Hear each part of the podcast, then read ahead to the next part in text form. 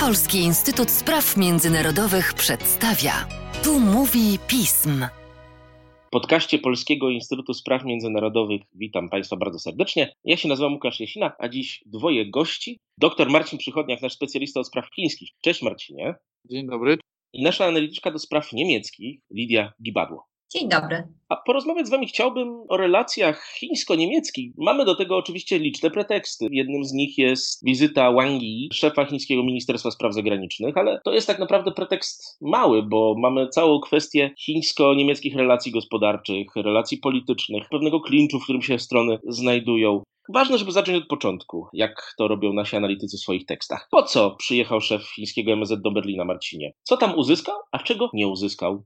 Szef chińskiego MSZ-u i szef niemieckiego MSZ-u i w ogóle chińscy politycy i niemieccy politycy bywają u siebie nawzajem dość często w ostatnich latach, więc to rzecz trochę rutynowa, ale z drugiej strony nie do końca, bo mamy szczególną sytuację w Europie i na świecie związaną z pandemią koronawirusa, tym co się wydarzyło w relacjach chińsko-europejskich w tym czasie, czyli takim lekkim jednak po pierwsze na pewno obniżeniem e, wizerunku Chin w Europie, ale z drugiej strony pewną dyplomatyczną chińską ofensywą, która ten wizerunek miała poprawić, a tak naprawdę chyba go zepsuła, tym co się działo w Hongkongu, co też jakby zaważyło na wizerunku i w ogóle na postrzeganiu nie tylko Chin w społeczeństwach europejskich, bo tu może być różnie, ale przede wszystkim przez europejskich polityków francuskich, niemieckich, holenderskich na przykład, bo powiedzmy też, że Wang Yi, minister spraw zagranicznych Chińskiej Republiki Ludowej, nie wybrał się tylko do Niemiec. To był element dłuższej podróży po Europie. Wspomniałem już Holandię, ale były tam także Włochy, Francja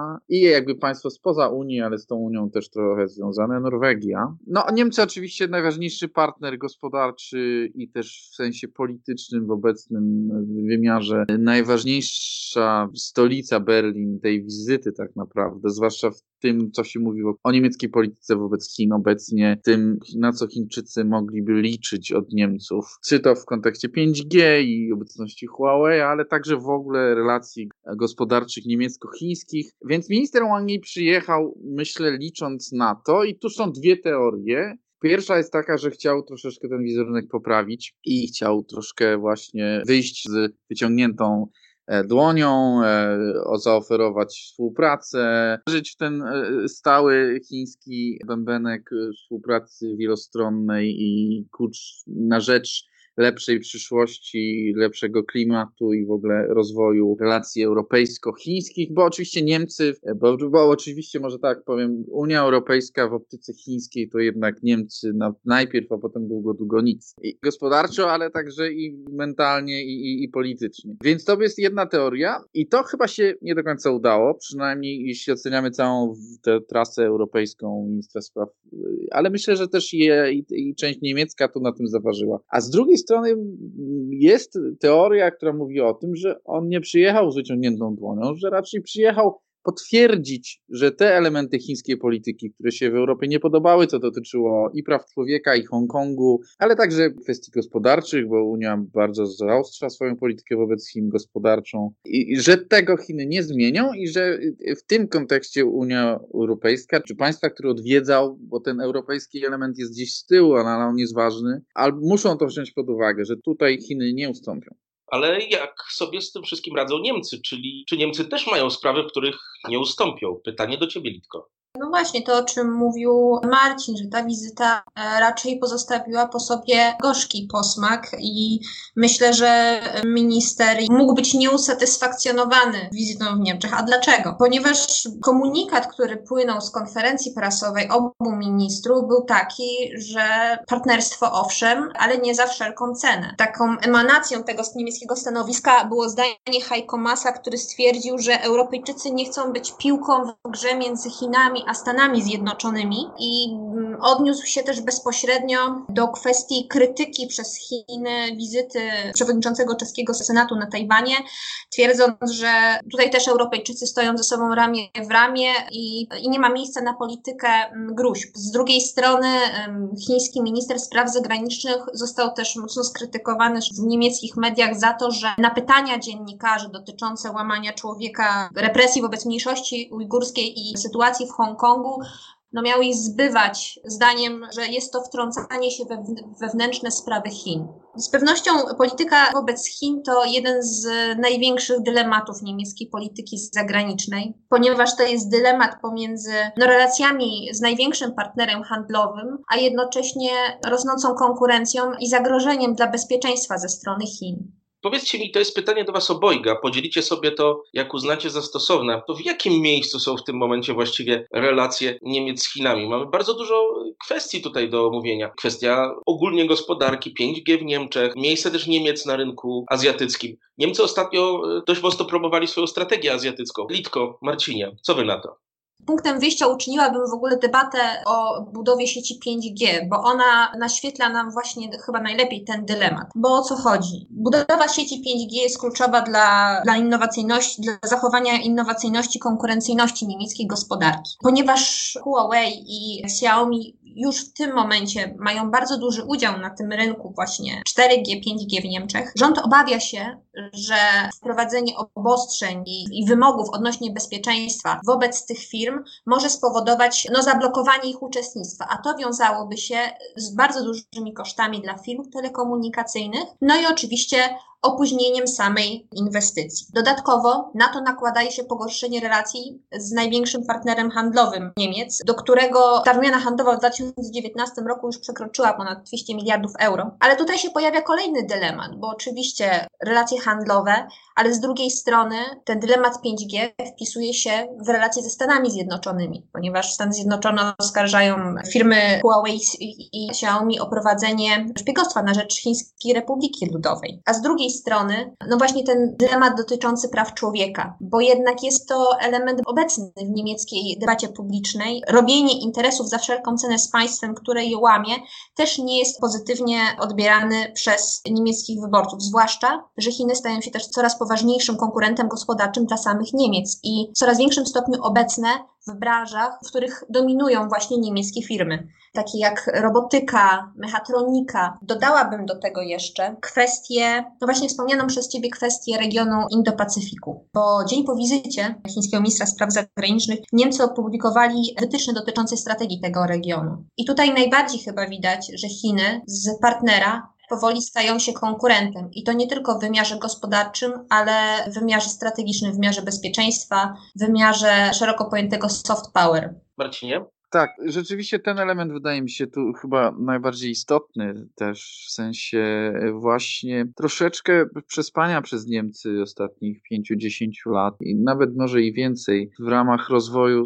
nowoczesnych technologii związanych z telekomunikacją na przykład i brakiem pewnych umiejętności niemieckiej gospodarki do rozwoju właśnie w tych sektorach przy jednoczesnej dużej rosnącej konkurencji chińskiej. Myślę, że to 5G to właśnie ogniskuje w sobie ten problem, że Niemcy jakby zorientowali się, że stracili miejsce, a mogą, że przynajmniej mogą stracić to miejsce na rzecz Chin i jakby starają się temu zapobiec, a z drugiej strony powiązania gospodarcze przeszkadzają to zerwanie, czy może nie zerwanie, ale żeby ta zmiana tej relacji była zdecydowana. Ostatnio szef europejskiej dyplomacji e, Joseph Borrell opublikował artykuł na temat strategii unijnej dotyczącej Chin i, i tam również on powołuje się na ten przykład niemiecki, bo oczywiście odwołujemy się do niego cały czas jako do najważniejszego, największego partnera Chin na naszym, na starym kontynencie, wskazując jednak, że jakkolwiek to uzależnienie istnieje, ale ono dotyczy wybranych sektorów niemieckiej gospodarki, bo na przykład 60% niemieckiego eksportu idzie jednak do Unii Europejskiej, tak?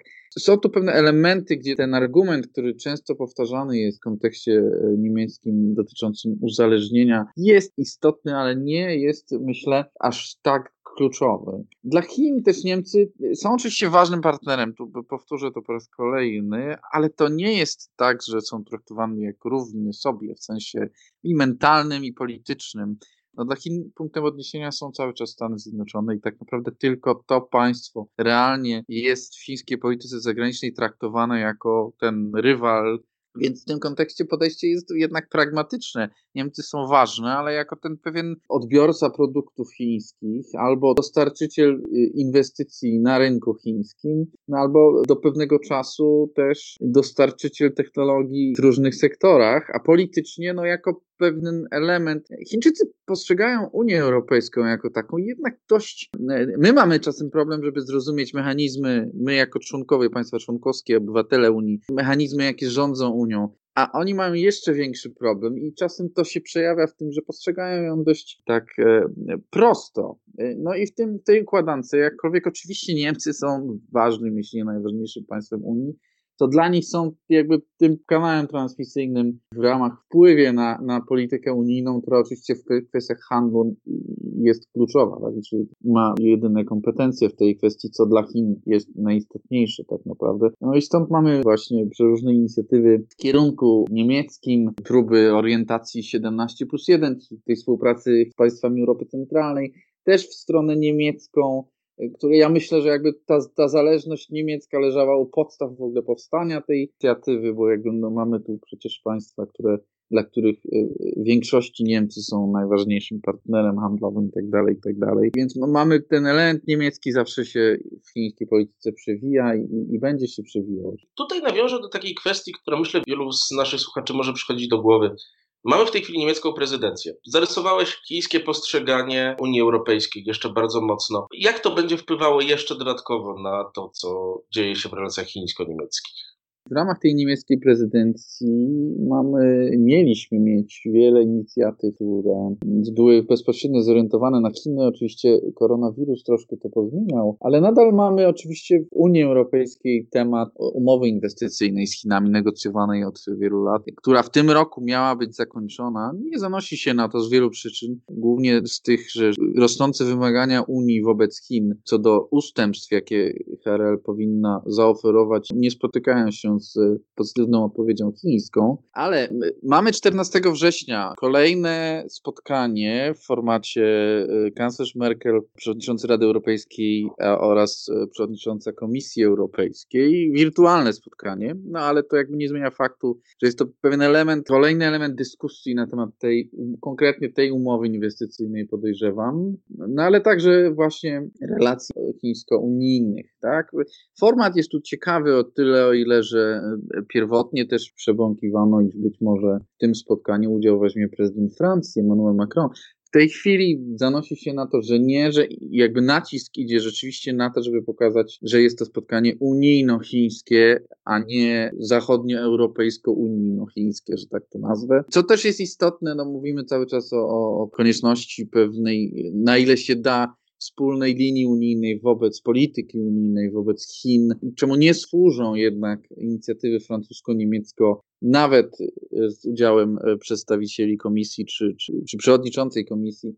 Natomiast udział szefowej prezydencji, czy jakby kanclerz państwa, który sprawuje prezydencję wraz z udziałem przewodniczącej komisji i rady jest jakimś sygnałem, że być może możemy tu mówić o, o pewnym uzgodnionym stanowisku 27 państw, a nie tylko części tych państw, które mają różne problemy i różne, różne podejście do polityki wobec Chin. I to nawet nie tylko chodzi o to, że niektóre te Chiny jakby są bardziej pozytywnie, a niektóre negatywnie nastawione, ale problemy mają różne w tych relacjach, więc y, tu zobaczymy, no mówi się jeszcze nie został odwołany, został przesunięty ten szczyt, który miał się odbyć 27 plus 1, czyli państwa unijne plus Chiny, który też był niemiecką inicjatywą, powtarzającą jakąś starą jeszcze sprzed wielu lat Chin chińską, chiński pomysł spotkania w gronie wszystkich państw unijnych e, miał być takim właśnie też pokazem e, pewnej jedności unijnej i wirus go przełożył, ale nie tylko wirus, bo jakby też polityka chińska w czasach wirusa wobec Europy, to się w Europie nie podobała i nadal się nie podoba tak naprawdę. Czy on się odbędzie, tego nie wiadomo jeszcze. Nie został odwołany. Na pewno się odbędzie to wirtualne spotkanie 14 września. To zobaczymy, co, co ono przyniesie. Jeśli miałbym stawić własne pieniądze, to, to raczej grałbym na spadki. Nie zakładałbym, że umowa inwestycyjna pomiędzy Chinami a Unią Europejską zostanie w tym roku sfinalizowana. No cóż, liczę Marcinie na to, że będziesz miał jak zawsze rację analityczną, choć mam nadzieję, że jednak częściej będziesz wygrywał również pieniądze. Moi drodzy, słuchajcie, mam nadzieję, że dzięki naszemu podcastowi ludzie zrozumieją, że jednak relacje chińsko-niemieckie są nieco bardziej skomplikowane niż obraz Europy postrzegany z Pekinu. Dziękuję Wam bardzo. Dzięki. Dzięki.